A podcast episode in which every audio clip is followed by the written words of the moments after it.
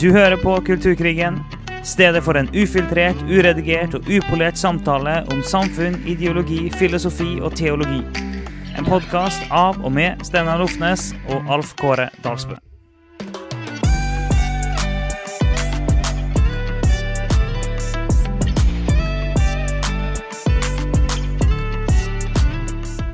Velkommen til Kulturkrigen igjen. I dag har vi en eh, veldig spennende gjest. Jarle Mong.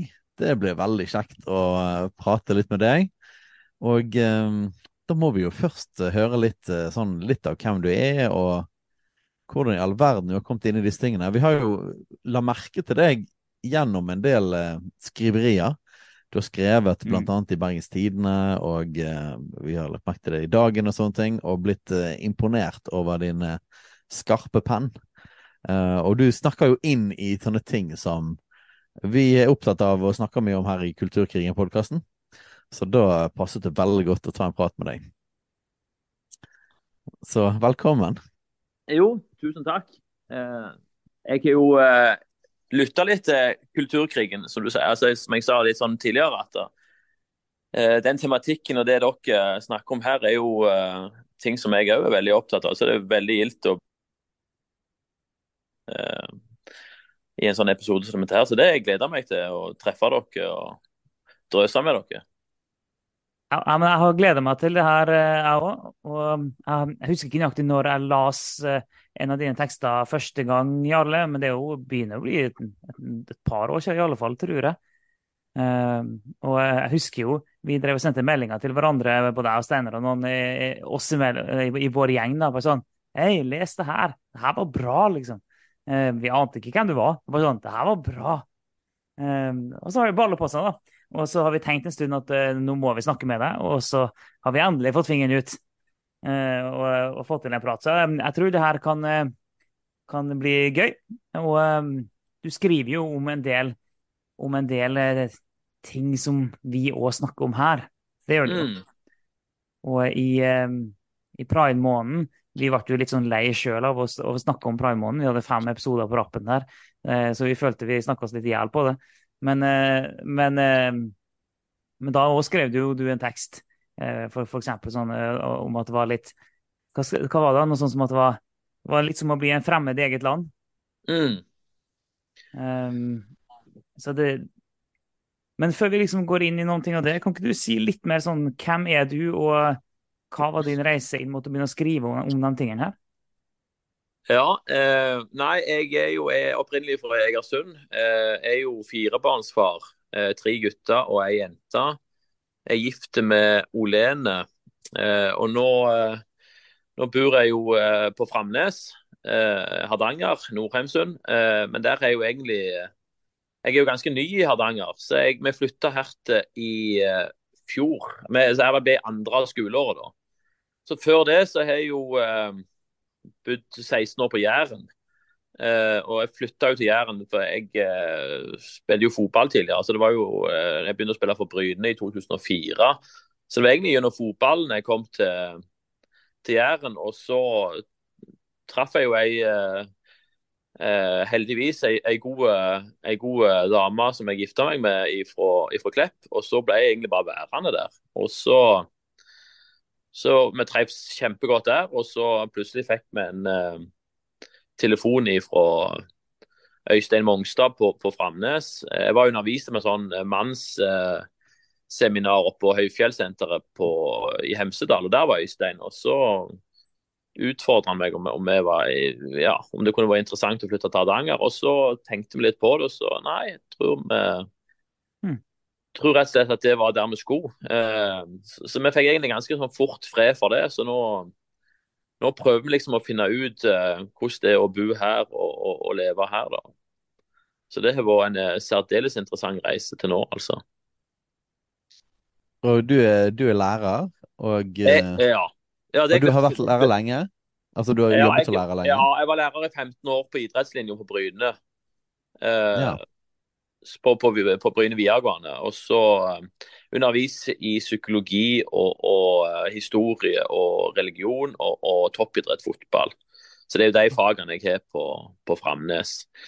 eh, I forhold til den skrivingen og sånn, så er egentlig det var sånn eh, Aldri hatt noen sånne ambisjoner om å eh, Ja, jeg hadde, jeg hadde jo for så vidt egentlig lyst til, til, til, å bli journalist på et tidspunkt da jeg var i ungdomstida, men, men, det var liksom den der fotballen som, så jeg måtte liksom bare ta noen sånn fag og noen eksamen jeg kunne liksom kombinere med fotballen. Så da ble det liksom å settle inn for en sånn lærerutdannelse. Men jeg, jeg, jeg syns jo det var sånn det å Jeg likte jo godt norsk på skolen og sånn, men jeg liksom aldri så det, det var egentlig bare noe som altså Du begynte liksom å leke litt med å eh, Jeg begynte vel med forsiktig med sånn Dette med blogg eh, ble en ting. Så hadde jeg en sånn blogg som jeg begynte å skrive litt på. Og så, mm.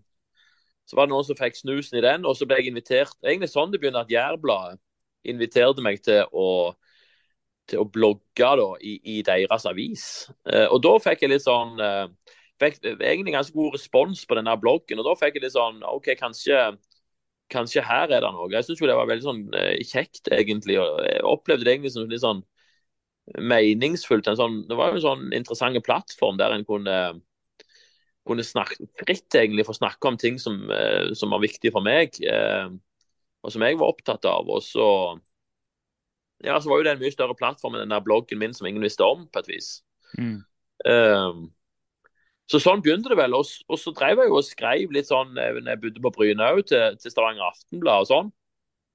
Så jeg hadde litt sånn på trykk der, men, men, men jeg flytta til Jeg syns jo eh, Jeg vet ikke helt hvor Men når jeg kom til, til, til Framnes, så uh, der har de jo Bergens Tidende. Det, jo de, det ligger jo inne på avisstova der, så jeg begynte jo å lese den uh, når jeg hadde tid. Og så leverte jeg inn et innlegg til Bergens Tidende, jeg opplevde egentlig at det var en helt annen sånn jeg var, så, jeg var, nesten sånn sjokkert over responsen i forhold til, til Bergens Tidende i redaksjonen der. For det var en helt annen sånn, mye enklere å få inn tekster, og de var enormt sånn Virka nesten begeistra for at noen eh, mm. mer sånn verdikonservative ville skrive i deres avis. Eh, så det, eh, ja, jeg føler liksom der, der åpna det seg noen dører. Utrolig sånn god dialog med, med, med han Jon Tufto i uh, redaksjonen der. Så, så nei, utrolig sånn, egentlig sånn takknemlige i forhold til Bergens Tidende. At de de slipper til litt sånn alternative stemmer, kan du si. Så, så det syns jo jeg var kjempekjekt.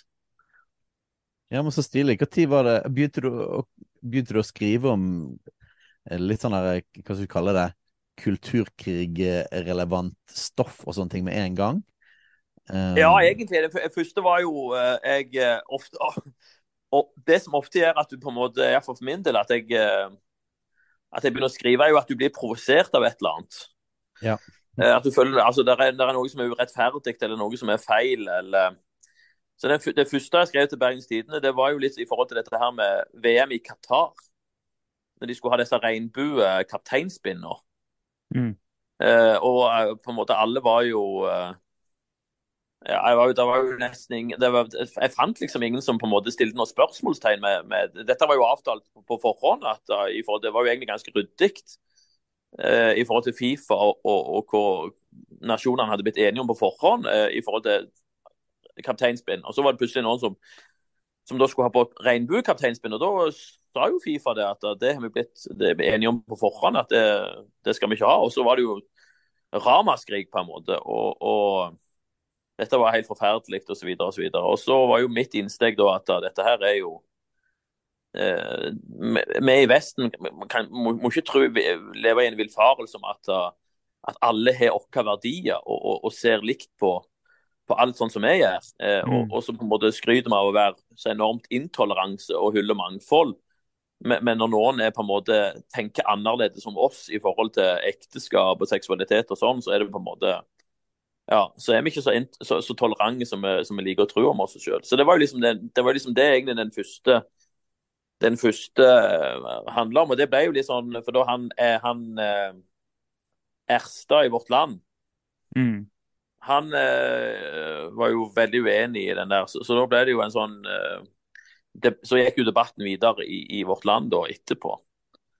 Um, og så, ja, så, så, var det jo Det fikk jo reaksjoner i Bergens Tidende òg, så det var jo noen som svarte. Og så, og så var de, synes jeg de var veldig rause. at det, Da fikk jeg liksom Selv om min replikk var mye lenger enn det i forhold til hvor mange tegn du kan levere. i det der. De, jeg syns de er så enormt strenge på de der antall tegn.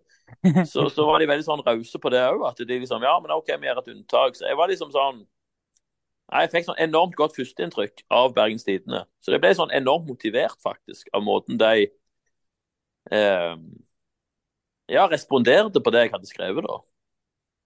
Ja, men det er, jo, det er, jo, litt gøy å høre, da. For det er jo, det er jo et stort pluss og et uh, godt eksempel på uh, det med å faktisk ønske en mangfoldig debatt. da.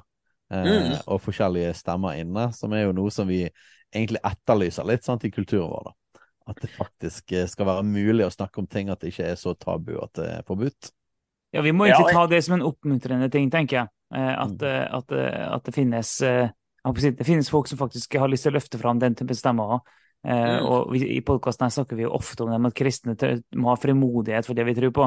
Uh, og da ofte, uh, sier vi det ofte i sammenheng med at vi må ha stor frimodighet uh, på det fundamentet vi bygger våre liv på, om at det er solid en ting vi med stor frimodighet kan forkynne ut til andre. Mm. men òg det at vi kan vi kan, vi, frimodighet på at det, det, er faktisk andre som har lyst til å høre det vi har å komme med òg.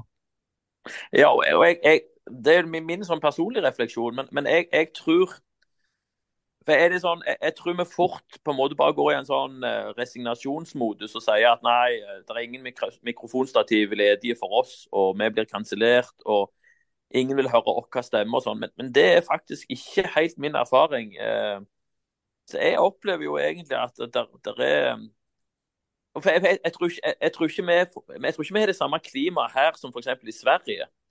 Jeg tror ennå det er rom for, for verdikonservative stemmer i den norske debatten. Jeg tror veldig mange av de største medieaktørene eh, ønsker verdikonservative stemmer velkommen. Eh, hvis du bare ser litt sånn på sånn, eh, tall og sånn, så tror jeg Espen Ottesen jeg tror ikke det er en, altså, Han er jo en klassisk Han er jo altfor alene, da.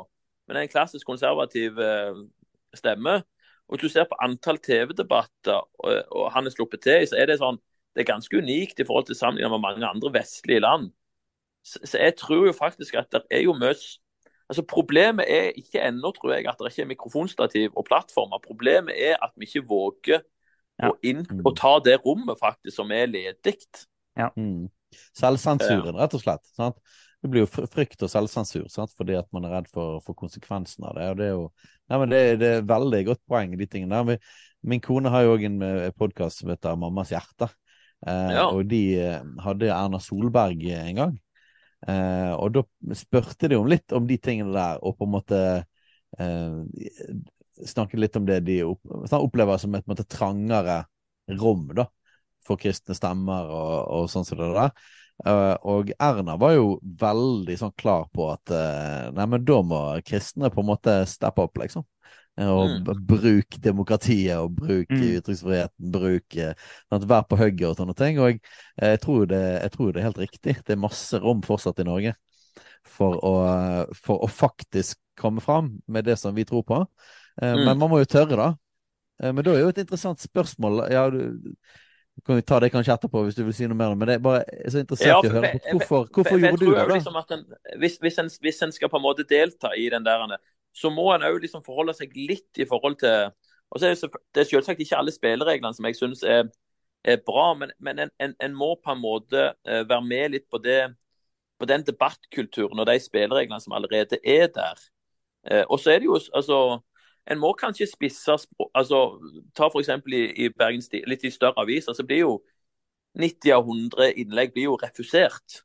Mm. Så, så du, du, må jo på en måte uh, du må, du må, spisse budskapet ditt. Du må, du, du må, på en måte tilpasse det litt den, den, eh, det medium og det formatet eh, for å på en måte nå gjennom. Og så blir det altfor lett å bare si at uh, nei, de vil ikke ta inn kristne. Ja, men vi er jo, vi er jo, ikke, vi er jo ikke, kanskje flinke nok eller gode nok til å, til å form, spissformulere oss og, og, og, fatte oss i korthet og, og få fram et tydelig budskap som gjør at innleggene faktisk blir tatt inn.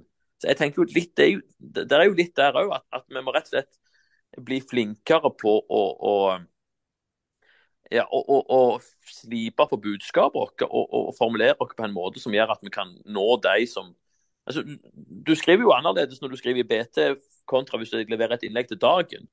Og Mm. Der tror jeg vi har, liksom, litt å gå på i forhold til å, til å, til å på en måte for, lese målgrupper og forstå litt om hvordan, hvordan må vi hvordan, du, du, kan ikke formidle sånn som du gjør på bedehuset hvis du skal ha et uh, innlegg inn i en sekulær avis. Mm. Uh, og Der tror jeg vi har litt å gå på. Så jeg synes Det er litt sånn for enkelt å bare si at nei, ingen vil, uh, ingen, ingen, vil ta oss inn. og sånn. Ja, Men vi må kanskje gjøre noe med kvaliteten på det vi holder på med òg, tror jeg. Mm. Ja, veldig spennende. Hvordan, hvordan, opplever du hvordan opplevde du det å begynne å snakke om noe som da var såpass kontroversielt? Eh, for det er nettopp jo nettopp frykten for å liksom få negative reaksjoner som gjerne stopper en del folk, da. Men eh, har det vært noe problem for deg? Var det enkelt liksom å, å bare hoppe uti og med en gang begynne å snakke om pride, eh, altså regnbuekapteinsbind og sånne ting som det? Ja, jeg, ja, jeg, jeg har jo liksom tenkt Det som, det som er liksom for min del altså Jeg tror jo min, min egen reise har vært sånn, veldig sånn til hjelp. Jeg har liksom uh, i, i, 15 år var stort sett alene i en sånn fotballgarderobe som, uh, som, som, mener det motsatte av de andre. Uh, og Jeg har sånn, egentlig erfaring med det å være alene og, og ha motstridende synspunkter. du kan få sånn kommentarer og sånn, men som regel så stikker ikke de kommentarene så dypt på bånd. Så, så, så, så, får vi det godt til å fungere. Og, og jeg, tror liksom, jeg tror kanskje min bakgrunn og det å, å være alene kristen i et ofte sånn eh, Hva skal du si? Sånn, ja, fotball, fotballgarderober, det er jeg vet ikke hvordan jeg skal si det på, men, men det er ikke bedehuset, for å si det sånn. Altså, det, er, det, er, det, er, veldig veldig annerledes. Så jeg er jo liksom, sånn vant med å være en sånn si en outsider, da. Uh, og jeg liksom, har trening i å bli komfortabel med rollen, og jeg liksom er vant med å bli utfordra og måtte på en måte kanskje redegjøre og forsvare det jeg står for. Eh, og så syns jeg det er jeg syns, jeg syns jo det er lettere å skrive innlegg i avisen og forholde meg til sånn kommentarer i, kom i, kommentarfolk fra folk som jeg ikke kjenner. og sånn. Jeg syns jo det er mye tøffere i nære relasjoner å være tydelig og, og, og, og det å, være, å, kjenne på det at vi er uenige og, det ubehaget der, og samtidig prøve å være tydelig. Det syns jeg er mye sånn Jeg syns det var faktisk eh, ofte tøffere å skrive innlegg i Jærbladet, faktisk. For da er det sånn når det er naboen som kommenterer, og du treffer han igjen dagen etterpå, så er jo det mye eh, tøffere å forholde seg til enn en, en, en folk inne i Bergen som jeg aldri har truffet, på en måte. Eh, mm. så, så, nei, jeg vet ikke. Jeg, jeg, jeg er egentlig sånn uh, det, det, er jo på en måte noen, noen kjenner, kan kjenne på litt sånn av og til, men, men jeg syns egentlig det går ganske greit. Men det, men det er, det er viktig, altså. Det er at vi, vi tør å, å ta ordet og det er ikke sånn, Vi sier ikke da at da, ah, okay, da må alle kristne begynne å skrive leserinnlegg. Det er jo ikke det vi sier. Nei. Vi, vi sier heller ikke at da må alle kristne starte en podkast, eller da må alle kristne skrive masse, masse innlegg på Facebook. Det er jo ikke det vi sier. Men jeg tror virkelig at det er nødvendig at eh, kristne i Norge tør å stå for det de egentlig står for, tør å si sin mening der de er. Og så kan en ta steget inn i offentligheten, det kan en, men at en tør å, å, stå for det en faktisk tror på der en er. Om det altså i, i familien, på skolen, eh, på jobb osv. Det er Ja, det, det, tenker jeg faktisk er, det, det, er jo det viktigste. Uh, nettopp det der å, å, å i hverdagen der en er, uh, det å kunne være uh, Jeg tenker jo som kristne så er vi jo vi er jo kalt til å være kontrakulturelle. Til, mm. altså, altså det, det, er et sentralt tema i Bibelen. Kalt til å leve annerledes. Ja. Kalt til å leve i opposisjon til, til, til på en måte verden. Mm. Eh, og, så det, å, det, å, det å, å, på en måte være annerledes og være lys og salt, eh, det er jo desidert viktigst å være som du sier, en, eh, i, i, nabolaget eh, på, på i idrettslaget, på jobb osv. Det er jo der jeg mener, det er jo det jeg syns er den Det er jo faktisk det er jo de, det er de arenaene det er tøffest å være det. Der det mm. krever mest.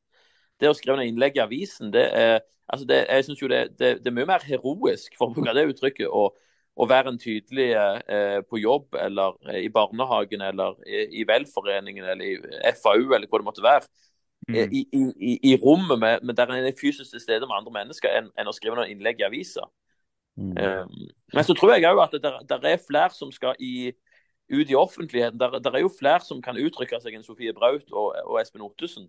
Så, mm. så, jeg tror jo uh, jeg tror jo vi har mye å gå på. Jeg tror jo at det, det, er veldig bra hvis det er flere stemmer altså, mm. i, i, den offentlige debatten som, som, kan være motstemmer mot de eh, ekstremt sterke ideologiske kreftene som kommer til uttrykk nå, nå, nå ja, særlig de siste fem-ti årene. Altså, min oppfatning er at, at motkreftene er veldig mye, veldig mye sterkere enn en når jeg vokste opp eller når jeg var ungdom, eh, tenker jeg da. Mm. Ja, og det, det, poenget der, det Jeg har iallfall en oppfattelse av at det er det en god del kristne og for så vidt som ikke enten ikke har tenkt så mye så bevisst over, eller som kanskje til og med vil avvise det. Om at det, at det er noen voldsomme krefter i sving. Um, mm. og det, det, er litt sånn eh, Hvis den eh, er likegyldig til det, eller hvis den avviser det, så syns jeg egentlig nesten er litt skremmende. Eh, fra et kristent ståsted. Det, det, får meg til å lure på hvor mye kristent ståsted den egentlig har. da, for da, Hvis den ikke merker hvor heftig det er, det som presses på oss, og hvor eh, hvor, eh, i hvor stor grad det krasjer med det fundamentet vi står på, og hvor, i hvor mm. stor grad det krasjer med den kristne virkelighetsforståelsen, så kan jo det være et tegn på at den kristne virkelighetsforståelsen kanskje ikke har stått så sterkt. da. Mm. Ja, og at, den, at, at, det fundamentet og den forankringen eh, eh, kanskje må, må, må, må, bygges på ny. Jeg, jeg, tenker jo ofte i forhold til den, den tida vi står i, så er, En som jeg har tenkt på mye de siste årene, er jo Nehemja. At Av og til så føler jeg meg litt sånn som Nehemia, at du, du står ute og ser over en mur som ligger i ruiner på et vis. Og Da tenker jeg litt sånn i forhold til, til vår sivilisasjon at, um, og, hvis, du ikke da, hvis du ikke da oppfatter at hvis du, hvis du, da, hvis du da, ser en, en, en, eh, en høy mur i skjønneste orden når den egentlig er ruiner, så er jo det egentlig litt sånn eh, et, et særdeles stort faresignal. Det er en alarm, egentlig, tenker jeg. Mm. Uh, så, jeg, jeg tror det sånn, i forhold til til, altså jeg tenker sånn Tidligere så var det sånn at vi fikk lov å bygge mur og fikk faktisk statlig støtte og, og hurrarop. Og, og, vi hadde liksom sånn Når jeg vokste opp, så var det jo sånn eh, Jeg tipper det var omtrent den samme sånn prosentandelen som var, som var kristne og sånn, men, men, eh, ja, som gikk på basarer og var veldig ivrige, sånn som vi er. Sånn 5-10% Men de aller, de aller, fleste var jo stort sett enig i det vi, vi trodde på. Mm. Sendte ungene på søndagsskolen osv. Men, men den, den der paraplyen av konsensus, eller de som var enige med den, den er ikke lenger nå. Så nå regner det med blaute og kalde. Eh, og da Så, så da, da, tror jeg det er sånn Vi får ikke hjelp til å bygge mur, men vi må, vi må bygge mur samtidig som vi har Det høres jo kanskje radikalt ut, men faktisk sverd i hånd. Ja, ja. Så vi må, vi må, på en måte Det nytter, det nytter ikke å bygge sånn som vi gjorde. Altså, Det nytter ikke å fortsette som før, når motkreftene er mye sterkere. Så Da mm. må vi på en måte forsvare oss mens vi bygger. Så det, Jeg tror det blir en annen sånn tilnærming. Jeg, det tenker jeg litt sånn i forhold til Jeg har jo fire unger. Så for meg nytter det ikke å gjøre jeg, jeg, kan ikke bare gjøre det foreldrene mine gjorde. Foreldrene mine mm. fikk jo hjelp og støtte av skolevesenet og ja. institusjoner i samfunnet osv. Eh, nå opplever vi jo at iallfall de offentlige skolene eh, kommuniserer og formidle noe som er helt på tvers av det vi tror på. Mm. Og Da kan ikke vi som foreldre fortsette som før. Altså Da bommer jo altså, Vi må sikte høy altså, når, når, på en måte tyngdekraften er, er, så mye større, så vil pila på en måte synke mye fortere, vil ikke treffe blink. Så vi må sikte mye høyere, tenker jeg. Mm. Det nytter ikke bare å sende ungene på leir og, og, og, og guttelag og, kor, og så forvente at da vil de bli berga på et vis. Så jeg, så jeg, tror det stiller helt andre krav til oss som foreldre òg, i forhold til det å gi evangeliet videre, trusopplæring. Mm. Uh, gi, de, eh, gi de gode Gi de noe, et, et anker, da. Eh, en forankring og, og, et solid fundament, sånn at de har røtter. For, de, for de, vil, de, vil, være ute i en helt annen Altså, de merker vinden og stormen mm. mye mer enn det jeg gjorde. Ja.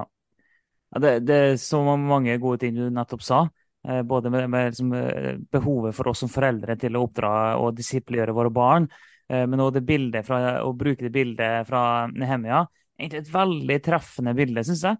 Eh, med Mm. at okay, vi, vi må både bygge muren, og vi må forsvare slash eh, angripe. Vi, men, men det Mm. var, så det var jo forsvarsposisjon for så vidt, men vi må både bygge og forsvare samtidig. Vi bygger Mm. samtidig som vi har sverdet eh, på oss. Og det er litt sånn Mm. vi faktisk må drive på med som kristne. Og hvis du som hører det her ikke skjønner bæret av hva vi snakker om, så bare les Nehemia i Bibelen, så vil du skjønne mer.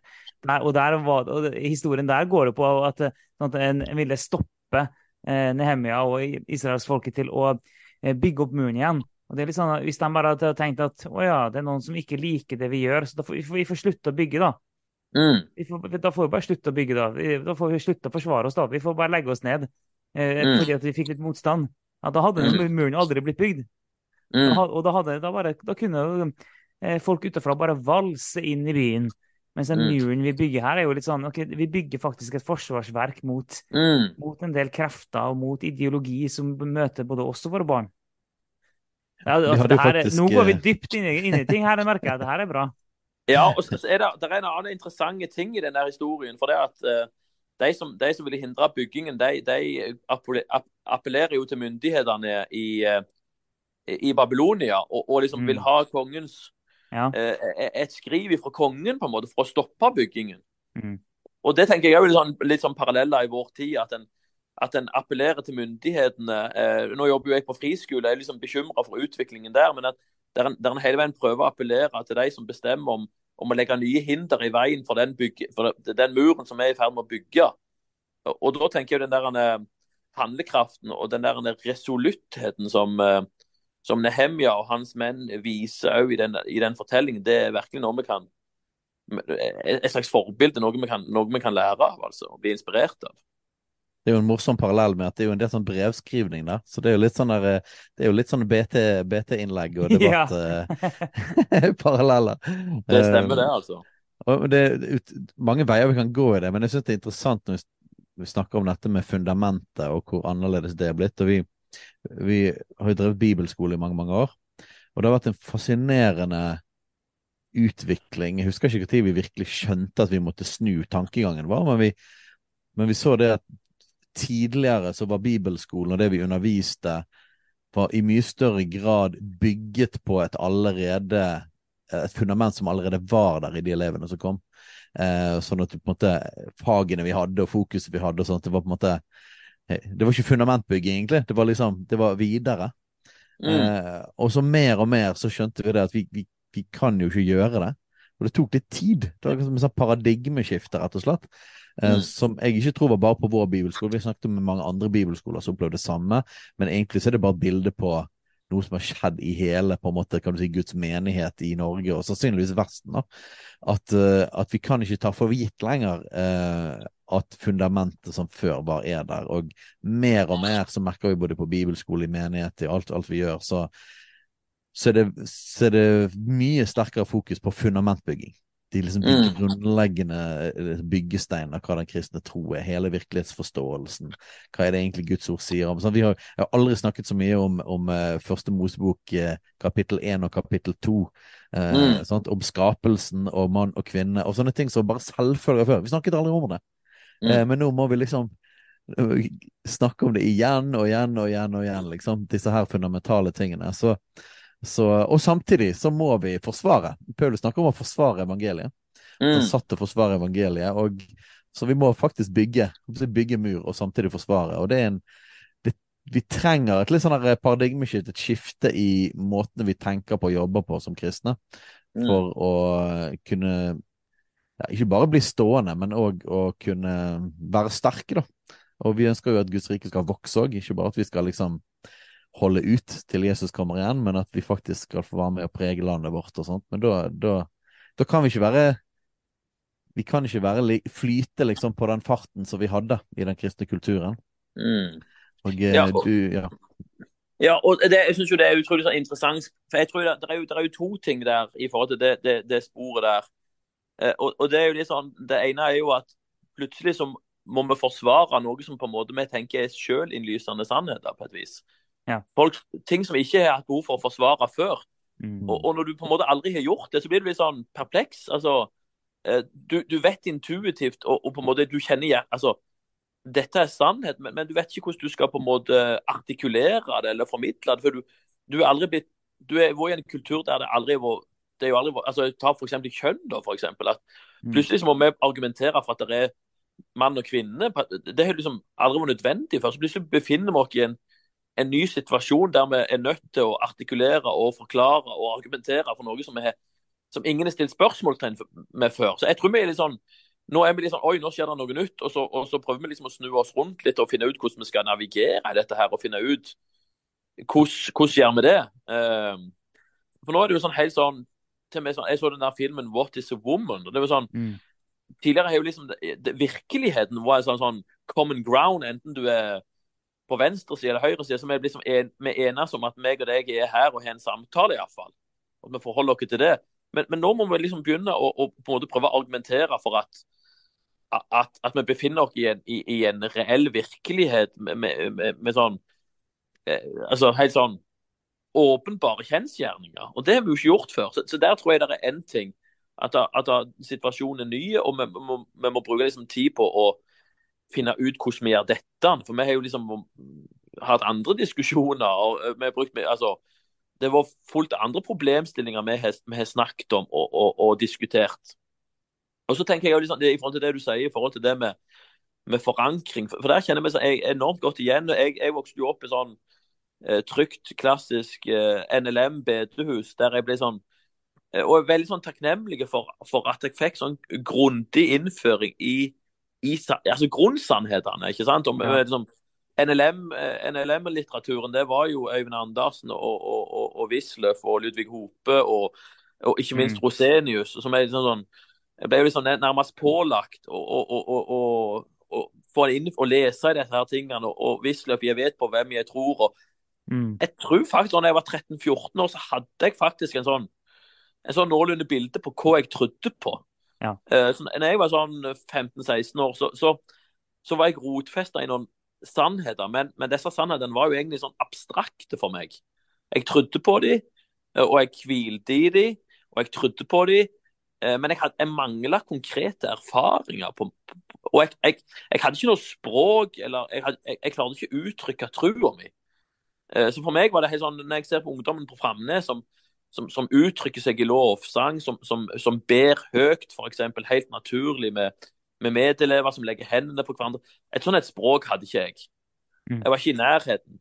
Eh, og så var det jo utrolig fint da, når, når disse her abstrakte Etter hvert som du det, Disse her abstrakte sannhetene ble jo på en måte litt De ble livsnære og levende når en erfarte ting konkret, på et vis. Mm. -hmm. Mens nå opplever jo jeg at mange ungdommer de uttrykker De har på en måte de har ikke noe problem med å uttrykke trua si, eh, og de har masse erfaringer. Men de sliter mange ganger med å uttrykke på hva de faktisk tror på. Det skal ikke møte, ja. du, du, skal ikke stille dem mange spørsmål før de på en måte er litt sånn i villrede, på et vis. Mm. Eh, så, så jeg, jeg, Ofte så går det liksom i, i, i grøftene. Jeg, når jeg var ungdom, så var jeg, liksom, jeg var veldig sånn i abstrakte sannheter og mangla konkrete erfaringer. Mens nå tror jeg liksom pendelen har, har switcha over, at en har masse erfaringer. Men en er faktisk en, en er ikke forankra i noen abstrakte sannheter som en kan hvile i lenger. Det er så godt poeng det du sier der. Det er sånn, det, og det ordene du bruker, at en er ikke lenger forankra i en sannhet en kan hvile i. Mm. Og, og, min erfaring som jeg ofte har sagt i podkasten her, er jo at når jeg snakker med mennesker som ikke er kristne, og hvis jeg bare stiller et par enkle spørsmål som så vidt utfordrer deres virkelighetsforståelse og deres fundament for livet sitt, så vi begynner å slå sprekker umiddelbart. For de har ikke tenkt igjennom det. Mm. Eh, og det skal veldig lite til før bare noen får enkle spørsmål fra meg da, begynner å rokke ved liksom noen grunnsannheter i andre sine liv. Og det går liksom begge veier. Det er det er ikke bare kristne som har sånn. Vi har jo mange kristne Eh, og da, som har jo på den samme måten at når verden rundt dem begynner å stille spørsmål, så er det akkurat det samme som skjer i dem, nettopp fordi de mm. ikke er forankra i et fundament som de kan hvile i. Jeg likte veldig godt den setninga, kjente jeg den traff meg litt. Et fundament, Forankra i et fundament som en kan hvile i. Det er det, det, det, vi trenger, altså. Mm. Ja, og, og så, så, tenk, ja, så, tenker jeg jo det, det er jo en sånn i forhold til vi som er vi som skal disippelgjøre uh, de som kommer, så tenker mm. jeg det er jo egentlig sånn, litt sånn retningsgivende for oss at uh, at de, Det er litt, litt sånn vårt ansvar å gi dem jeg tenker litt sånn, Iallfall i forhold til min funksjon på Framnes, at, at, at vi som lærere at, og åndelig fellesskap kan gi dem nok i ryggsekken, til, mm. så, så, de har med seg noe som, som, de, eh, som de, står forankret i når de skal ut eh, i livet, på en måte.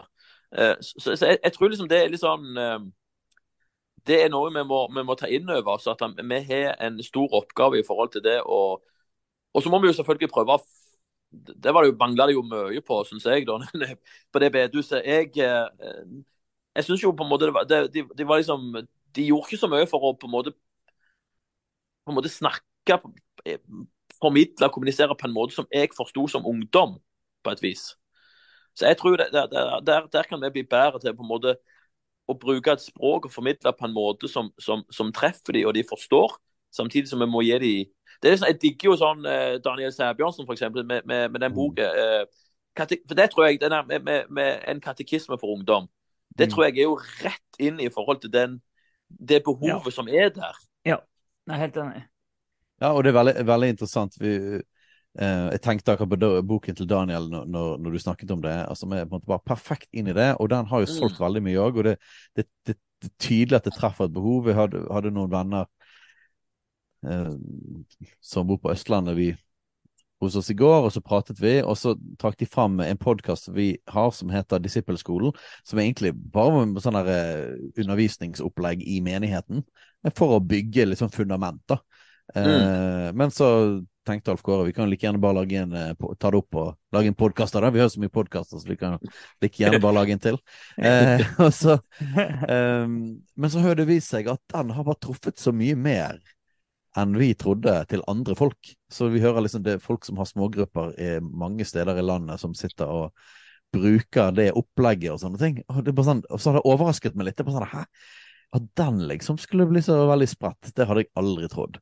Eh, og, og, men òg ting som vi går inn i i, i hele, hele kulturkriggreien, så ser vi at det er bare en sånn enorm sult etter å snakke om ting som har med fundament å gjøre eh, mm. grunnleggende kristne sannheter. For, og, og det, nok, det, handler nok om akkurat det vi snakker om, at det, det er et hull. Eh, og, eh, og, nå med presset som kommer utenfra på fundamentale ting, så plutselig tror jeg folk kjenner på det. Man kjenner på det enorme behovet. Mm. Og, eh, og, så tror jeg kanskje at vi har bommet litt en periode. Du, du sa litt tidligere eh, at eh, hvordan var det du formulerte det? da, At på en måte det å være en kristen er jo på en måte å være motkulturell. Eh, og jeg tror jo at du har helt rett. Jeg tror at det er veldig eh, Går helt i tråd med hvordan vi leser den første kristne tiden. Eh, mm. og, og, og, leser på en måte Nytestamentet. Men det har ikke vært en, liksom, den populære oppfatningen kanskje de siste 20 årene i vestlig kristenhet å være motkulturell. Det har jo heller vært på en måte å så stor grad som mulig spille på lag med kulturen. Og det er klart det finnes sannheter i det òg. Å kommunisere inn i en ny kultur, inn i en ny tid. Eh, at det er det samme budskapet, men, men, i en ny drakt og sånne ting. Så det er absolutt sannheter der. Men jeg tror samtidig at vi har tatt noen ting med på det lasset, da. Av at uh, vi er livredd for å være motkulturelle. At vi tenker at nøkkelen til å nå ut med evangeliet er at vi støter så lite som mulig. Eh, og da havner du i en ganske sånn vanskelig situasjon. da hvis du liksom hele Du, du, du har liksom bygget mye av måten vi kommuniserer evangeliet på, og ikke støte, og så samtidig så merker du at fundamentet eh, som vi på en måte hadde litt gratis med oss, da, eh, mer og mer er forsvunnet. Mm. Da kan man sitte i en ganske vanskelig situasjon, sånn som vi gjør nå. Og, og det virker jo ikke sånn at uansett hvor hyggelig en kristen prøver å liksom være eh, kulturell relevant nå, så, så, du blir ganske hardt presset. Det funket kanskje for 10-15 år siden, eh, men til og med de kuleste, mest relevante kristne det, Du trenger bare liksom to, to politisk eh, korrekte spørsmål, på en måte. Eh, og så må du begynne å ro noe heftig altså, hvis, du, hvis du skal prøve å ikke være motkulturell. Sånn, så Vi må på nesten bare omfavne det at vi er motkulturelle. Da. Det, jeg, jeg, tror jo at, at vi trenger det. Eh, bli sterk i mm. fundamentet og si det. Vet du hva, evangeliet det er faktisk støtende. Og det kommer alltid til å være støtende. Eh, og det Ja, ja vi er lys og salt. Mm. Og jeg, jeg, jeg, tror jo at det, enda, at det vekker enda mer anstøt i vår Altså, når vi lever jo i jeg tenker jo i, ja, Du kan til og med, du skal til og med definere hvilket kjønn du er. altså du, du, vi, er jo, eh, vi er jo våre egne guder på et vis. altså Vi lever i en sånn ekstremt individualistisk tid der alle skal eh, definere hvem de er. og, og og alle skal drømme stort, og alle skal realisere seg selv, og shoot for the stars, og you only live once, og alt dette her greiene. Eh, og da vil jo det der radikal, altså lydighet og det å gi slipp på alt altså det å, Folk har jo ikke problemer med Gud eller spiritualitet, for så vidt, men, men det er jo Jesus som vekker anstøt. Han vil være herre i livet ditt. Mm. Eh, og i, i, vår tid der, der, der lydighet og etterfølgelse nærmest er tabubelagt, så vil jo så vil, Jeg tror bare det anstøtet vil bare øke i styrke, da. Så jeg tror jo, jeg tror jo Jesus eh, og, og, og etterfølgelse og lydighet vekker enda mer anstøt nå enn det gjorde for bare 20 år siden. Mm. Uh, samtidig som du har den her uh, i forhold til det som dere har snakket mye om i forhold til kritisk teori og, og, og patriarkat og en, en, en, sånn ekstrem aversjon mot autoriteter. Mm. Uh, og den, den tror på at gode autoriteter At alt handler om makt. Og at, at trua på den gode autoritet, den som, som, vil deg godt og som vil lede deg til en bedre plass, at det egentlig ikke fins. At alt er bare eh, han vil egentlig, Autoritetene vil bare egentlig være ute etter å konsolidere egen makt. Hvis det ser ut som han er god, så er det bare en illusjon. Mm. Eh, så, så, det er jo eh, jeg, jeg, tror dette her sammensurium av ideer og hold, altså det her, det her, det her suppa av forskjellige ting da, som definerer vår tid, det vil jo bare gjøre at anstøt mot Jesus, etterfølgelse, at han skal være herre i våre liv, det, det er egentlig bare sterkere enn på veldig lenge. Og det er klart at Hvis en har et sånt bilde av uh, autoritet, så vil en jo ikke ha en annen herre i sitt liv. Da vil en jo være mm. egen herre. Det, det, sier seg jo sjøl, egentlig. Mm. Og eh, kanskje så har det eh, sånn Det er alltid enklere å si at ting var bedre eller verre før. og alle mulige sånne ting. Det er alltid enkelt å si det. Men mitt inntrykk i alle fall er at den ikke, det var ikke så gjennom i, på en måte,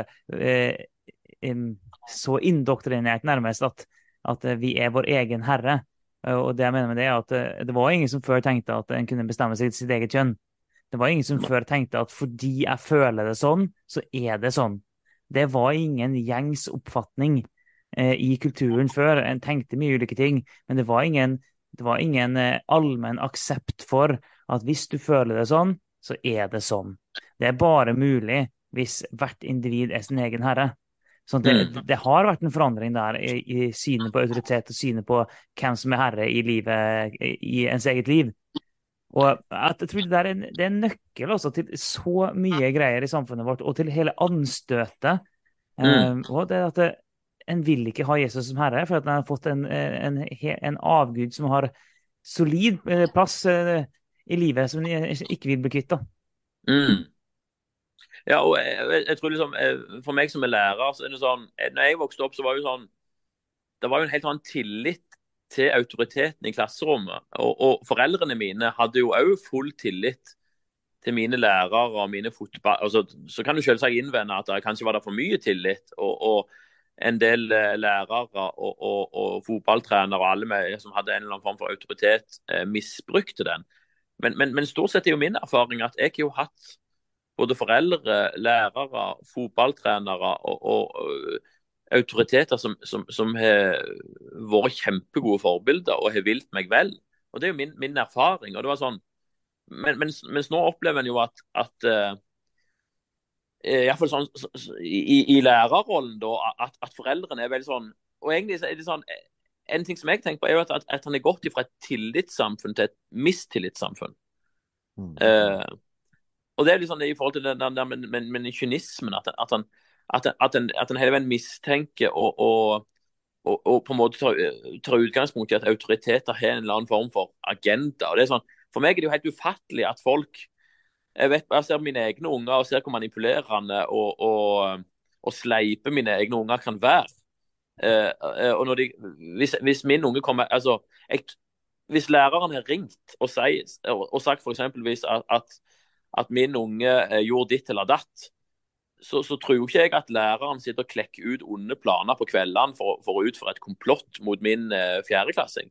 Så når, mm. når fjerdeklassingen da eh, kommer hjem og, og, og, og, gir en helt annen versjon, så stiller jeg jo noen kritiske spørsmål. og som regel så, så, så er det jo noen huller i fjerdeklassen som forklaring. Eh, og, læreren har som regel rett. Mens, mens nå opplever jeg kanskje at veldig mange foreldre heller lytter til fjerdeklassingen og hans, og hans første forklaring og tar den for gitt. Og, og så er den sånn Mm. utrolig sånn mistenksom i forhold til, til lærerne og overreaksjon. Og, og det er jo sånn enormt sånn Det merker jeg sånn i forhold til, til, til lærere. Altså, så det, det er jo noe enormt mange lærere kjenner på den der økende mistilliten og autoritetsforakten i samfunnet som gjør, som gjør jobben utrolig mye mer krevende. Og Det er jo liksom det som ene innlegget jeg skrev. altså der er jo nå er det fem lærere i klasserommet, og de- skriker på forsterkninger. Mens når jeg eh, gikk på barneskolen, så var det frøken Herikstad som var alene med 28, og vi satt som lys, på en måte. Så, så det, det er jo ikke noe sånn, det er jo ikke bare noe nostalgi noe sånn, eh, noe sånn eh, konservative mørkemenn som, som ønsker å tenke tilbake til 80-tallet. Det her er jo kjensgjerninger. Men Mm. Det er jo ufattelig mye mer eh, lærere i klasserommet, eh, men det har aldri vært mindre kontroll. Mm. Eh, Og det bør vi jo ta inn over oss. Ja. Det, det kan en jo på en måte snakke ærlig om uten å at, at han, at en, at en liksom havna i den der merkelappen og at alt var bedre før og alt sånn greier. Eh, Det er jo faktisk bare sånn det er. Men er det ikke interessant at som du sier, ok, det har aldri vært flere lærere inne, og kanskje kan vi til og med si det har aldri vært så involverte foreldre. Mm. Det har aldri vært så mye offentlig tilbud. Og vi har kanskje, jeg skal ikke si aldri, men vi, vi har kanskje aldri hatt eh, ungdommer som er, er så ute å kjøre, i den forstand at eh, de har ikke noe fundament lenger, og det er psykiske problemer som skyter i taket. Mm. Så egentlig skulle alt ha vært bedre. Ja, og og, det, ja, og det, det er jo det som er det store paradokset. For vi, vi, vi altså, jeg gikk på altså, Det er jo foreldre som Det er jo en ufattelig informasjonsflyt. Vi blir jo bombardert av sånn skolelink. Altså, jeg, jeg får jo altfor mye informasjon. Så, så det er jo en ufattelig kommunikasjon mellom skole og hjem. Eh, og og vi, vi, vi, følger, vi følger jo opp på en helt annen måte enn tidligere. Men, men, men ungdommene er mer usikre, mer utrygge og mer skjøre enn eh, iallfall vi var når, jeg vokste opp. Så, så her er det jo en sånn eh, der, er jo noe som ikke stemmer her. Og, og, og, veldig, mange, men, veldig mange ungdommer har jo på en måte For meg virker de sånn, nesten sånn livstrøtte før de er det er, jo, det er jo helt spesielt at en ungdom er livstrøtt før han er 18 år. Liksom stappmette på livet. Eh, Det var noe som var helt sånn uvanlig da jeg vokste opp. Hadde, de aller fleste hadde en sånn ja, et eller annet de gleder seg til eller, eller, eller vil gjøre. Men, men nå er det sånn flere som på en måte Hvordan skal jeg stå opp til, liksom? Og, og det syns jeg er utrolig trist. Og der tenker jeg at det er jo Her er det mange som trenger på en måte evangeliet og, og, og rett og slett det håpet som, som vi kan komme med. Gode Yes. nyheter. De trenger gode nyheter. Ja, absolutt. Og Interessant det med, med autoritetsforakt, bare for å trekke noen sånn ideologiske og teologiske liksom, linjer på det. da. Sant? For det kommer jo ikke, det, det har jo ikke bare skjedd av seg sjøl. Og jeg tenker liksom, ok, Hvor kommer denne autoritetsforakten fra? Og da ser jo det at det er jo dette er jo noe som både ligger i den liberale tanken, altså eh, så kommer jeg jo helt tilbake fra opplysningstiden og den liberale si, ideologien, som preger jo veldig kraftig i Vesten.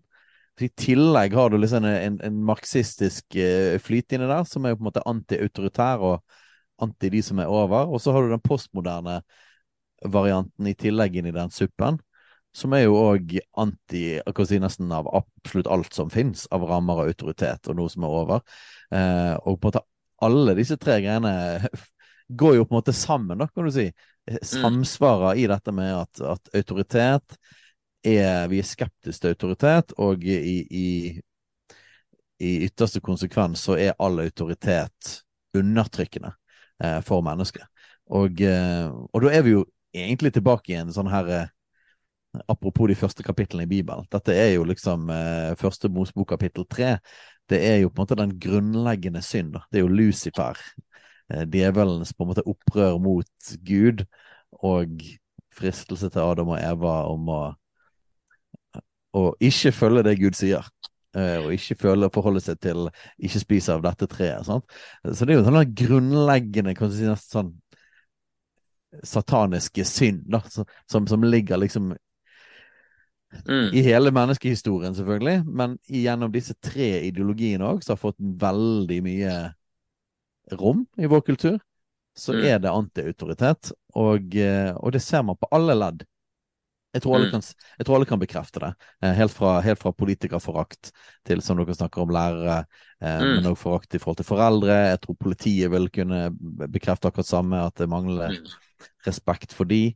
Og jeg syns det er interessant òg, hvis vi skal dra, linjen inn i, i de kristne verden, og hvor mye vi blir påvirket av disse tingene, så syns jeg at uh, Sofie Braut og hele underordningsdebatten Uh, synes jo jeg at Én ting er jo ha teologiske uenigheter og sånne ting, at vi diskuterer på Bibelens grunn og kan, kan komme fram til litt forskjellige varianter og sånne ting. Ok, det er nå én ting, men, men uh, når så mange kristne i den underordningsdebatten egentlig ikke argumenterer teologisk i det hele tatt. Du, du, du nevner ikke engang Bibelen, men kommer Mm. egentlig med enten ren feminisme eller hele denne generelle tanken da, om at alt som handler om autoritet, er undertrykkelse. Mm. Så var for meg det var en skremmende sånn her eh, innblikk i hvor mye faktisk vi kristne òg er preget av den tanken om at uh, autoritet betyr undertrykkelse. Og det er ikke en kristen uh, bibelsk tanke. Nei, og, og, og, bare sånn, den første i forhold det er utrolig sånn eh, For jeg tror jo det som du sier, at, at, at kimen, kimen til dekonstruksjon, kimen til egentlig kimen til marxisme, det finner en faktisk i skapelsesberetningen. Den der, den, jeg snakket om den der, den der kynismen og mistilliten. for det er jo det, Slangen sår jo en mistillit inn at Gud vil egentlig ikke det beste. Gud vil egentlig beholde sin posisjon for seg sjøl. Ja. Så da, da, da sår du inn en slags tanke om at Gud er en undertrykker, at han holder noe tilbake. Han hindrer friheten.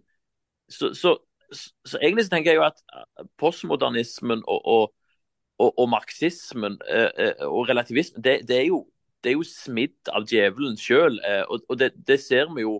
Vi hører jo ekkoet.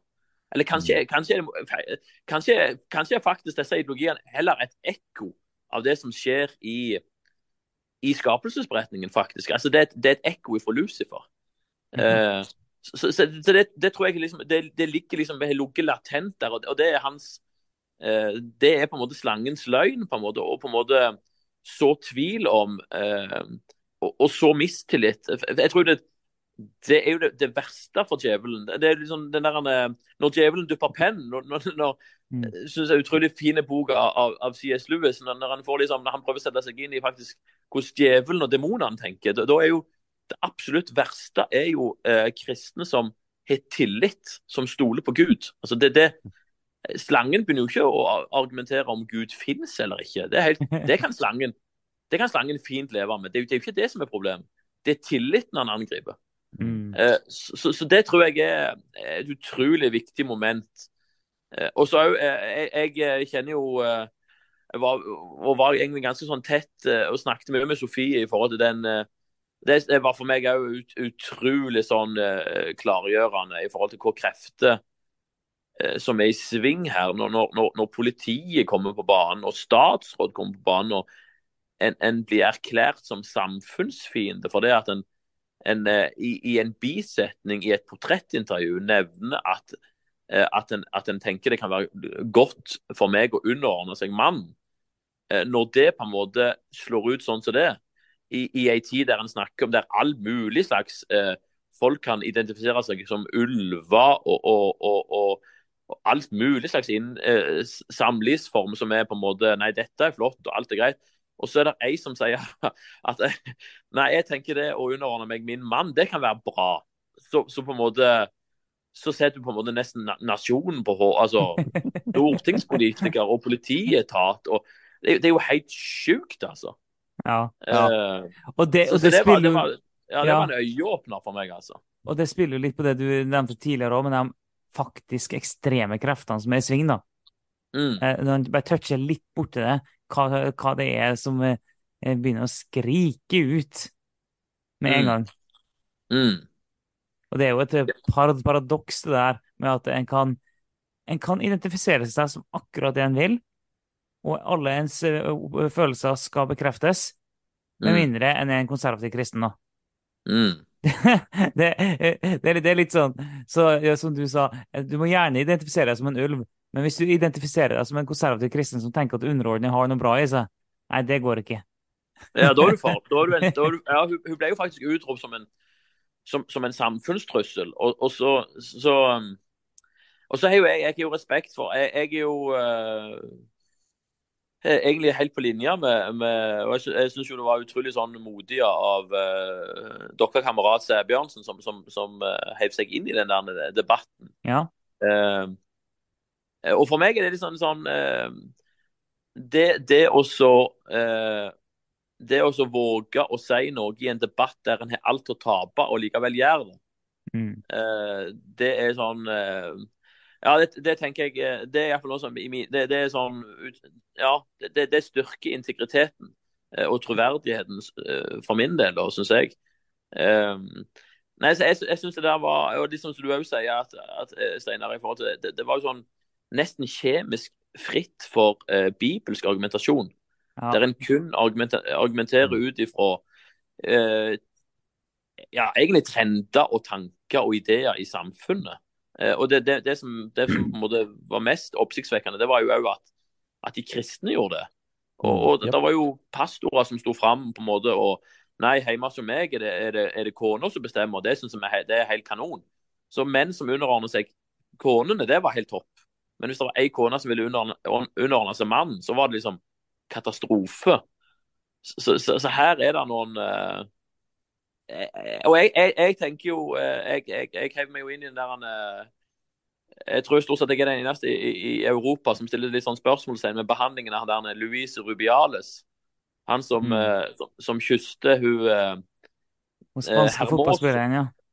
Ja, ja, ja interessant. Det, det skulle han jo ikke gjort. Det, det er jo helt, og, og Vi som er oppvokst på bedehuset, vi vet jo at vi bare skal kysse kona. Altså, så jeg, jeg, er jo ikke prinsipielt enig altså, jeg er jo ikke enig i, i, i, hans håndtering av situasjonen. Men samtidig så, så er vår fotballspiller selv og, og, har gjort mye merkelig i, i eh, øyeblikkets eufori. Uten at det på en måte skal, skal unnskylde noe. Men, men at, at, han her nå kan risikere to års fengsel for det at han, at han, han kysste en eh, eh, i, i, den settingen, da, eh, etter et VM-gull, i, i, i, den konteksten, at han nå og, og blir anklaget for grov seksuelt, et grovt seksuelt overtramp, det, det syns jeg er helt det, det, For meg er det et vitnesbyrd om at her er det enorme krefter som, som er i sving. altså det, det er, Og, og det, er, er ingen som, Veldig få som våger da å utfordre uh, utfordre de, de, den virkelighetsoppfatningen. Jeg er jo sånn Jeg godtar ikke det narrativet om at menn er onde og damer er gode. Mm. Jeg tror uh, kvinner er akkurat like ramma av menn som uh, syndefallet. Uh, og menn, kvinner trenger å bli gjenoppretta på akkurat samme måte som menn. Men jeg føler sånn, det er sånn, et sånn narrativ som på en måte har fått at, at, at, menn Og det er jo liksom det som vi snakket om tidligere, at, det, altså at menn er en autoritet som er undertrykt, eh, og særlig da heterofile hvite menn, eh, normalvektige menn, som da er på en måte undertrykt alle minoriteter. og så, så, så, blir det liksom det blir et sånn akseptert narrativ som de som ikke vil bøye seg for det, på en måte har ja, de er samfunnsfiender. Og det, nei, det er veldig skeptisk til. og jeg jeg tror jo kvinner er Jeg jobber som lærer, og jeg, jeg ser jo at jenter mobber eh, er like kapable som gutter til å mobbe og stenge ute, men at det skjer på en helt annen måte. Mm. Og faktisk så er eh, jenter mye mer sofistikert når de eh, manipulerer og mobber. Sånn gjør at det er utrolig mye vanskeligere å oppdage. Guttemobbing er stort sett ganske klønete. Og Det, det klarer, kan vi identifisere ganske kjapt. Eh, men jeg har jo opplevd at, at jenter er blitt mobba utestengt eh, i to år uten at verken meg eller kontaktlærer opplevde det. Så jeg, jeg, jeg, jeg klarer, klarer, liksom ikke å akseptere den der eh, Det som jeg nesten ser som en sånn grand narrative om at, om at, om, om at, om at jenter er undertrykt og egentlig bare godsinna, eh, mens, mens, det er gutter som er undertrykkerne. For jeg, tror jo at ja, jeg, jeg, tror ikke det er bare menn som kan dolke Cæsar i ryggen og la han ligge igjen som en blodpøl. Hvis, men hvis damer hadde gjort det, så hadde de gjort det på en annen måte. Eh, ja. Og Det er litt sånn eh, mitt poeng. Og det er, og, og For å spore opp litt tilbake til når vi snakka om hele sånn, eh, debatten om, eh, rundt Sofie Braut og underordning og den typen ting. da. De siste årene, når det har vært eh, nå, nå, kan det kanskje være noen som blir provosert over at jeg sier det her, men det er jo fint. Eh, men det er eh, veldig mange av de kvinnene som, eh, som responderte, argumenterte jo det ut ifra en sånn type tankegang som du beskriver nå. Eh, argumenterte ut fra eh, mange ideologiske standpunkt som ikke er på linje med Bibelen. Og det argumenterte ut ifra en sånn uh, toxic masculinity-tankegang. Uh, ut ifra at autoritet er alltid undertrykkende, og snakka mye om patriarkatet. Sånn, men som du, som du også sa, som vi også har snakka om før òg, men det var sånn det var sånn opplevelse at det til tider var liksom kjemisk rensa for Bibelen. En mm. prøvde mm. å argumentere, men en, en, brukte ikke Bibelen. En prøvde mm. å snakke om et tema, men en så det ikke gjennom bibelske briller. Og det er sånn, Når en da leser om sånne, sånne ting, så blir, blir jeg nesten litt sånn deprimert. Men sånn, men mm. Vær så snill, la oss ta utgangspunkt i, i Guds ord, i det minste. Mm. Så, la oss begynne der. Når vi som kristne skal diskutere en sak, la oss si ja, i det minste ta utgangspunkt i Guds ord. Mm. Ja, så, men så, så, tror jeg òg det er en sånn eh, At en er på en måte tatt kontroll over historien, og at folk på en måte sluker det, det narrativet som er blitt fortalt om at, om at, om at kvinner har vært undertrykt siden si tidenes morgen, og at, at, at, menn alltid har vært undertrykka. Og, og så videre. En, en slags elendighetshistorie. Og, og, det er klart, og det er det nok, det er det nok en, del, en del sant i, men det er ikke hei, altså, det er som August Garborg sier, ingen løgner er farligere enn halve sannheter. Men jeg tror mm. at det har vært mange gode menn. Det har vært mange menn som har elska konene sine. Eh, og når de har tatt beslutninger, så er kona vår den viktigste stemmen. Og de mennene tror jeg Det kan du òg se i Bibelen. Eh, både Isak og, og, og patriarkene. Eh, de, de, lytter jo til, til konene sine. Og jeg tror ikke de var de eneste i dette samfunnet som, som lytta til kona og var glad i konene sine. Jeg tror veldig mange menn har vært, glad i konene sine. Og så er det selvfølgelig våre menn som har som har misbrukt uh, det mandatet og den autoriteten de har fått. Men, men jeg, jeg, jeg, godtar ikke den der forenklingen. Det er veldig sånn reduksjonistisk å si at, mm. at alle damer var undertrykt, og at alle menn har vært på en måte undertrykkere. Jeg tror ikke det var sånn. Og så får man liksom det inntrykk at menn alltid har hatt politiske rettigheter. Det, det er jo helt feil, det. 99 av alle menn har hatt null rettigheter. Det er våre keiser og konger som har, som er styrt i store deler av verden. Og, og ta Norge. Menn fikk eh, ja, riktignok litt før. Men, men, det, er så, det var jo ikke så mange år. hvis vi ser 40-50 altså, år mm. er jo ikke enormt lang periode hvis, hvis vi prøver å se de store linjene. Så, så ja, menn fikk eh, noen rettigheter litt før kvinner. Men jeg godtar liksom ikke den der at, den troen på at, at, at, at menn har vært så enormt privilegerte. 99% av menn har ikke vært privilegerte i det hele tatt. De har levd eh, knallharde tøffe liv i knallharde kår. Enormt mange er dødd i krig, og, og faktisk er menn eh, ofra seg og gått eh, og det, det ligger liksom den, middelalderen, den, den, gamle ridderkulturen, så var jo nettopp det at, at, at, at menn skulle, skulle, på en måte forsake å være selv oppofrende, bl.a. for kvinner og barn. Og, og så sent som da Titanic gikk ned i, i 1912, så, så, var det jo mennene som sto igjen, og kvinner og barn gikk i livbåtene.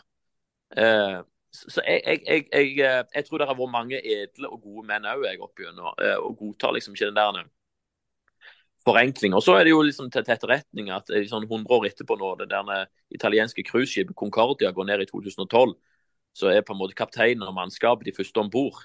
Så kanskje er det sånn at vi menn eh, har faktisk Kanskje vi mista noe på veien i forhold til den der Mm. De der ridderlige idealene som, som, vi så i middelalderen, som egentlig er bygd på den Jeg tenker egentlig det er den sunne kristne maskuliniteten, faktisk. der du der, Det er liksom det beste uttrykket uttrykk, syns jeg, er den der Jeg eh, vet ikke om dere har sett den der filmen om Arn. Arn Magnusson. Ja. Mm. Han blir utfordra i en sånn tvekamp der. for Der, der mener jeg at der står den, den hedenske maskuliniteten blir, blir møtt av den kristne maskuliniteten. Du har denne hedenske, nådeløse maskuliniteten. Du har mann mot mann, og alle forventer at han skal, skal drepe Når han er beseira rivalen, så skal han drepe han og vise ingen nåde.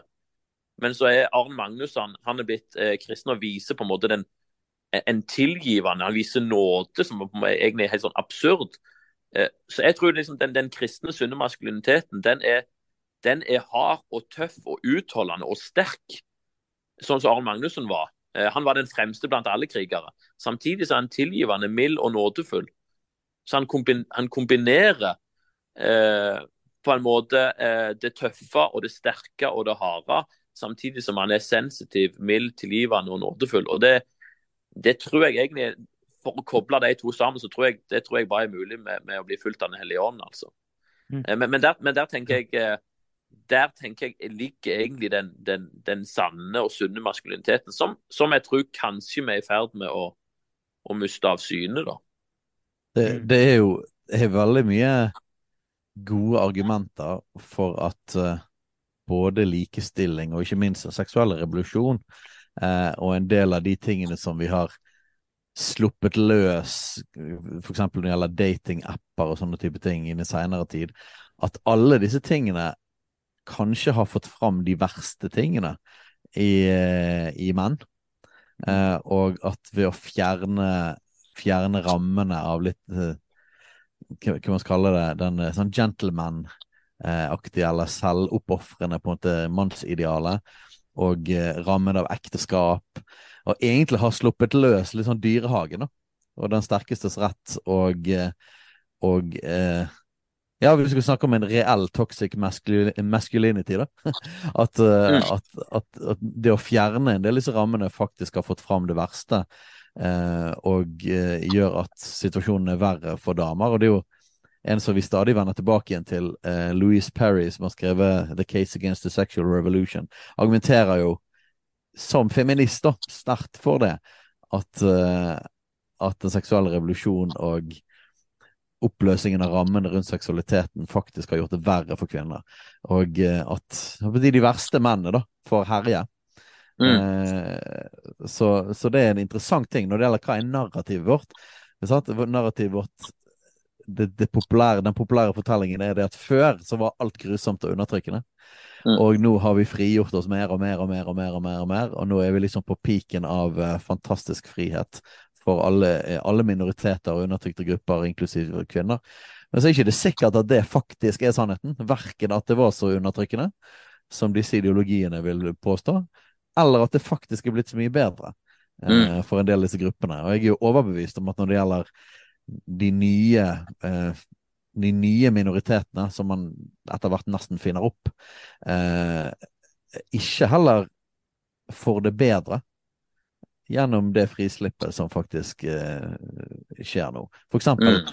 en tenåring som er usikker på sin, eh, eh sin kjønnsidentitet. Eh, når, når, alt kommer til alt, vil den frislippet og den rammebrytingen vil det faktisk gjøre at disse ungdommene får et bedre liv enn det man hadde før man hadde denne her frigjørende ideologien. da om at du mm. kan frigjøre deg fra ditt biologiske kjønn. Altså, Du kunne tatt alle disse her minoritetene i hele den interseksjonelle pyramiden, og så kunne du, kunne du sett på er det egentlig sånn uh, at disse ideologiene faktisk frigjør mennesker. Uh, og jeg tror, jeg tror, vel egentlig at det kristne svaret på det er det at nei. Det er egentlig Guds rammer som er det frigjørende. Mm. Ja, og, og, og så, tenker, så, tenker, jo jeg altså den der for jeg tenker jo Det, det er jo et, skift, et skifte. Dere nevnte jo opplysningstid, og, og, og særlig Rousseau. Da, som, som den, den, kristne tanken er jo at mennesket er destruktivt og ødelagt og trenger gode ordninger. Mm. Mens Rousseau sier jo at problemet er jo nettopp ordningene, normene, eh, samfunnsstrukturene. Så, så, han, så, han, mener jo at mennesket blir jo undertrykt og er på en måte i lenke pga. alle institusjonene og, og, og ordningene som, som, som, menneskene er skapt. Og hans ideal er jo på en måte tilbake til, til naturen og, og, eh, og urmennesket. og liksom at, at, at, mennesket egentlig er et godt vesen. Så, så det, er jo en, helt sånn motstridende idé. Og, så, og, det ser en jo sånn i, eh, i senere tid. Der, i, går en litt 40-50 år tilbake, den der romantiseringen av urfolk og, og, folk som lever i regnskogen. på en måte, At her, her er egentlig de rene menneskene. De som ikke er blitt eh, forurensa av eh, all den her undertrykkelsen osv. osv. Eh, og så tenker jeg litt sånn i forhold til det som du eh, med, med, Jeg tenker jo Freud er jo superinteressant i forhold til det at lyste og drifte Hvis en undertrykker disse tingene her, så, så får en nevroser og blir forknytt osv. Så, videre. Eh, så, så hans løsning er jo at en skal på en måte slippe, slippe naturen fri, da, id, eh, driftene løs. og, og, uten, så, så, så det, der, det der ridderlige dydene som jeg snakket om tidligere, sånn, med selvdisiplin og selvbeherskelse, eh, det blir jo på en måte eh, egentlig bare sett på som Nei, det, det, kan egentlig føre deg inn i nevrose og psykiske problemer. Jo, du må gjøre slipp på de, de demningene og så bare leve ut det som, de driftene og det du føler på, det du har lyst til. Og, og så, så, så, det tror jeg jo er det som kanskje iallfall noen av de tankene som ligger bak, kan forklare denne her seksuelle revolusjonen, hvorfor måte, mm. alle demninger brister og på en måte alt, alt sklir ut. Og, og, så, og så, så, tenker en at dette er altså at grenseløshet er friheten. Og, så, og, da er det jo igjen i forhold til dette med anstøt, når vi som bevegelse sier at nei, det er ikke grenseløshet som er frihet, det er lyd, at lydigheten ligger i friheten. Mm. Eh, så, så, så, ser en jo igjen at, at det at vår virkelighetsoppfatning og eh, den sannheten som vi er forankra på, den er jo egentlig fullstendig på kollisjonskurs med, med, med tidsånden. Mm. Og da, og, og det, bare tenk Når du snakker om Freud, sånn, Freud du, du, kan jo på en måte si at Freud seksualiserte identiteten, kobla mm. det. Sånn at med en gang du da skal begynne å styre eh, seksualiteten din, seksuelle eh, tiltrekninger og preferanser, med en gang du skal begynne å styre det, så vil du per definisjon undertrykke din egen identitet. Eh, det er sånn, men det, en tenker jo ikke sånn om andre ting. Eh, jeg tenker jo ikke at jeg undertrykker meg sjøl fordi at jeg ikke bare spiser sjokolade, selv om det er sjokolade jeg har veldig veldig lyst på. Det er et veldig mm. banalt, banalt eksempel, men det er, ikke, det er ikke sånn Ja, jeg undertrykker en lyst jeg har i øyeblikket, det gjør jeg, men det er ikke en undertrykkelse av meg som menneske og person. Det er det ikke. Eh, det er faktisk eh, det, det, er et valg jeg tar, at jeg ikke følger den lysten, for jeg vet at det ikke er bra for meg, og det er annet som er bedre for meg. Det er et valg jeg tar. Og så vil garantert noen tenke at det er, det er helt ulovlig å sammenligne eh, eh, sex og sjokolade. Eh, men jeg vil likevel si at, at prinsippet er det samme. Mm. Selv om jeg er enig i at seksualitet er dypere enn sjokolade, det er jeg enig i, mm. men prinsippet er det samme. Mm. Ja, og, så, så, nå vet jo ikke Jeg altså, jeg tror jo Freud òg hadde vært sjokkert hvis, hvis, hvis, han hadde våkna opp i dag og sett hvordan ting er blitt.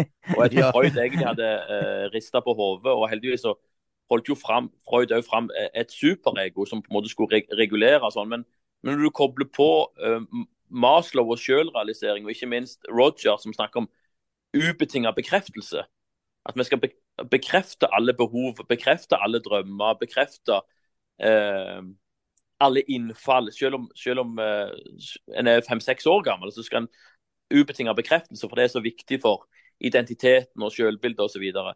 så er en jo egentlig på, på, på, på kollisjonskurs. Og, og, og, det tenker jeg også litt sånn i forhold til, til meg som kristne. det, I Bibelen står det jo veldig tydelig at disiplin og tukt mm. er veldig viktig. At vi trenger vi trenger folk som, vi trenger veivisere, tydelige veivisere, og folk som, kan disiplinere oss eh, når det er nødvendig. Så der, der er det jo sånn det er, så, der er, på så mange felt der vi, der vi bryter fullstendig med det som er med, med tidsånder. Og der tror jeg vi, vi er sånn, veldig sånn påvirka som kristne bare, i forhold til det å, å sette tydelige grenser. Jeg tror jeg vi, vi er mer påvirka av tidsånden enn det vi, det vi liker å innrømme. Det er plutselig enormt vanskelig å sette tydelige grenser og være tydelig overfor ungene. Eh, eh, og, og, på en måte forklare ungene at av og til så er det på de voksne sine premisser osv. Det, det å gi videre eh, den arven som har fått, har blitt enormt sånn vanskelig. Jeg vet, det er mange som liksom Nei, det, det, er veldig, altså Hvis ungene velger å bli samboere, sånn, så er sånn Nei, vi kan ikke si noe, vi kan ikke blande nok. vi kan ikke så, så, enormt sånn, Vi er blitt så enormt forsiktige fordi vi ikke vil vi ikke vil blande oss, på en måte. Men det, det tror jeg heller ikke er en sånn kristen tanke, egentlig. Men der tror jeg det kom De, de her holdningene og, og, de tankene kommer jo fra en plass. Alt kommer jo fra en plass. Det er jo ikke noe sånn at, at vi nå har bare plutselig blitt veldig opplyst for det vi lever i 2023 mm. og har kommet til en sånn slags eh, sånn uh, blitt orakel i Delphi og fått sånn sannhetserkjennelse. Mm. Uh, vi, vi, blir jo påvirka av noen ting. Mm. Ja, det, det som du sier, vi, vi blir alltid påvirka av noen ting. Og det er jo, mm. og det er jo der um, Ja, vi skal kunne det, sånn, det, det, tar meg tilbake til uh, Nehemia og muren. Og det er mulig at vi skal prøve å lande episoden et eller annet sted her òg. Vi kan snakke lenge, merker jeg. Det, det, vi har mange tråder vi er nødt til å ta opp. Mm. Men, men, det jeg tenkte på, var å trekke tilbake til eh, sånt, behovet da for å eh, okay, Når vi blir påvirka av så mye annet En ting er at vi bør ha en mur som kan stå imot det, men for, mm. å, bygge, for å bygge den muren, så må vi fylle oss med det riktige. Da, ja, mm. men da må vi fylle oss med riktig input. da. Og hva er riktig input? Jo, riktig input er faktisk å spise av Guds ord. Det er det mm. riktige inputet. Det, det, det, som, det, er det som er byggesteinene i muren i våre liv. Det at vi faktisk spiser Guds ord. Vi tar de byggesteinene vi finner der, og bygger den muren. Og det er jo den muren som vil kunne stå imot eh, angrep utenfra. Det er den muren som vil kunne være som et fundament i livet vårt. Ja, og så, tenker jeg òg i forhold til at det nettopp er sverdet som blir dratt fram i i, Når det står om Guds fulle rustning i Efeserne, så er jo mm. sverdet det eneste angrepsvåpenet. Ja. Eh, og, og vårt angrepsvåpen er jo ordet. Så jeg, jeg tror det er den der, der at, og, der, I forhold til de farer vill fordi de ikke kjenner Skriftene Nå er vi liksom tilbake igjen til der vi starta. Altså, hvor viktig det er å være forankra i ordet. For det, for det, er jo det som er vårt sverd. Mm. Så, så, hvis vi ikke har ordet og er forankra i det, så har, vi jo, så har vi jo faktisk ingen angrepsvåpen. Uh, og Det er litt sånn som jeg, er liksom honnør til dere. for jeg, jeg, jeg, mener jo Det er jo egentlig det dere holder på med her i, i denne podkasten. Det tenker jo jeg er litt sånn å lære nye Nehemia til å bruke sitt sverd. Mm. Sånn at de, Og utruste de rett og slett og gjøre de i stand til å kunne bruke det sverdet som de har fått, sånn at de kan forsvare muren eh, mm. som Nehemia. Ja, jeg ble litt eh, inspirert når når vi snakket her, jeg tenkte på et vers som jeg har begynt å bruke mer og mer òg i undervisning. Det er jo fryktelig ukorrekt eh, vers her. Altså det er noen vers fra Hebreerne 12. For vi er jo veldig glad i å, å, snakke om at vi er Guds barn, og det er vi jo. Ved troen på Jesus er vi blitt Guds barn, og vi har Gud som mm. far. Og så står det noe om dette her med å være farløs, da. Eh, I Hebreerne 12, hvordan det ser ut. Um, så jeg tenkte vi begynner å gå inn for landing, men det skader ikke å få et litt solide, noen solide bibelvers her på slutten. Bare for å liksom male opp en litt sånn kristen tanke da, om, om det som har med ja, både autoritet og, og både måte rammer og hva som er godt for oss. da. Eh, hva Bibelen sier er godt for oss. Så um, Hebreerne 12 fra vers 4 står det ennå har dere ikke gjort motstand like til blodet i deres kamp mot synden. Den kan man jo snakke mye om, bare den. Eh, og dere har glemt den formaningen som taler til dere som barn. Min sønn, forakt ikke Herrens tukt, og mist ikke motet når du blir refset av han. For Herren elsker, den Herren elsker, den tukter han, og han hudstryker hver sønn som han tar seg av. Det er for skyld dere tåler lidelser. Gud handler med dere som sønner. For hvem er den, vel den sønn som hans far ikke tukter? Og hvis dere er uten tukt, som alle har fått sin del av, da er dere uekte barn og ikke sønner. Så Det er altså en del av barnekåret, og vi tror jo på Guds godhet og Guds nåde, og at vi har en far som elsker oss, men dette er jo en del av barnekåret, da. At vi, at, uh, vi har en, en, autoritet over oss uh, som, med far, og som setter grenser, og til og med oppdrar oss. Og så står det videre at dessuten, vi hadde jo vi hadde våre jordiske fedre til å tukte oss, og vi hadde ærefrykt for dem. Skal vi da, skal vi da ikke mye mer bøye oss for åndenes far, så vi kan leve? For de tuktet jo oss bare for en kort tid, slik som de fant det rett og riktig, men han tukter oss til vårt gagn, for at vi skal få del i hans hellighet. All tukt synes vel mens den står på, ikke å være til glede, men til sorg, men siden gir den dem som ved dette er blitt oppøvd, rettferdighets salige frukt. Skal ikke ta en lang tale på dette her nå, men bare som en litt sånn herre eh, bibelinnlegg midt inni det vi har snakket om, i forhold til hva en kristen tanke, da, i forhold til rammer, i forhold til autoritet, og litt sånn i kontrast til eh, om det er Freud eller Rousseau eller eh, eller Michel Foucault eh, og, og, på en måte all all rammeoppløsningen, da, at det, er, at det er grenseløsheten som gir oss frihet og glede. Mens Bibelen faktisk sier det helt motsatte. At hvis vi er barn, hvis, når Gud forholder oss til, til, oss som barn og som sønner, så står det masse om Guds omsorg og kjærlighet og trofasthet mot oss òg i Bibelen. Men dette er òg en del av det å være barna. At vi, at vi faktisk får tukt, vi får oppdragelse. Og så står, sier Bibelen rett ut at det er godt for oss. Det får en god frukt i våre liv eh, at vi har disse rammene. Ja, jeg, jeg, syns den sluttsatsen var så god. Jeg, jeg vet ikke om jeg vil si så mye mer etter det der. Mer, det, det, Bibel, Bibelen den, eh, den, taler mye klarere og, og i en, eh, en, sånn fantastisk komprimert korthet i forhold til det vi vi, roter fram og tilbake. Og, og, kanskje er det noe i, i, i, alt det som er sagt, men jeg syns det var det var en nydelig sluttsats. Et, eh, et skikkelig postludium. Ja, men nydelig. Eh, da, da, sier vi det sånn. Da avslutter vi med det på studiumet. Enkelt og greit. ja, men du, nydelig å snakke med deg, Jarle. Og eh, jeg har en mistanke om at dette ikke blir siste gang. Vi har masse mer å snakke om. Ja, helt klart. Kjempegøy å være med, altså. Ok, så da bare sier vi takk for denne episoden her, og så høres vi neste uke.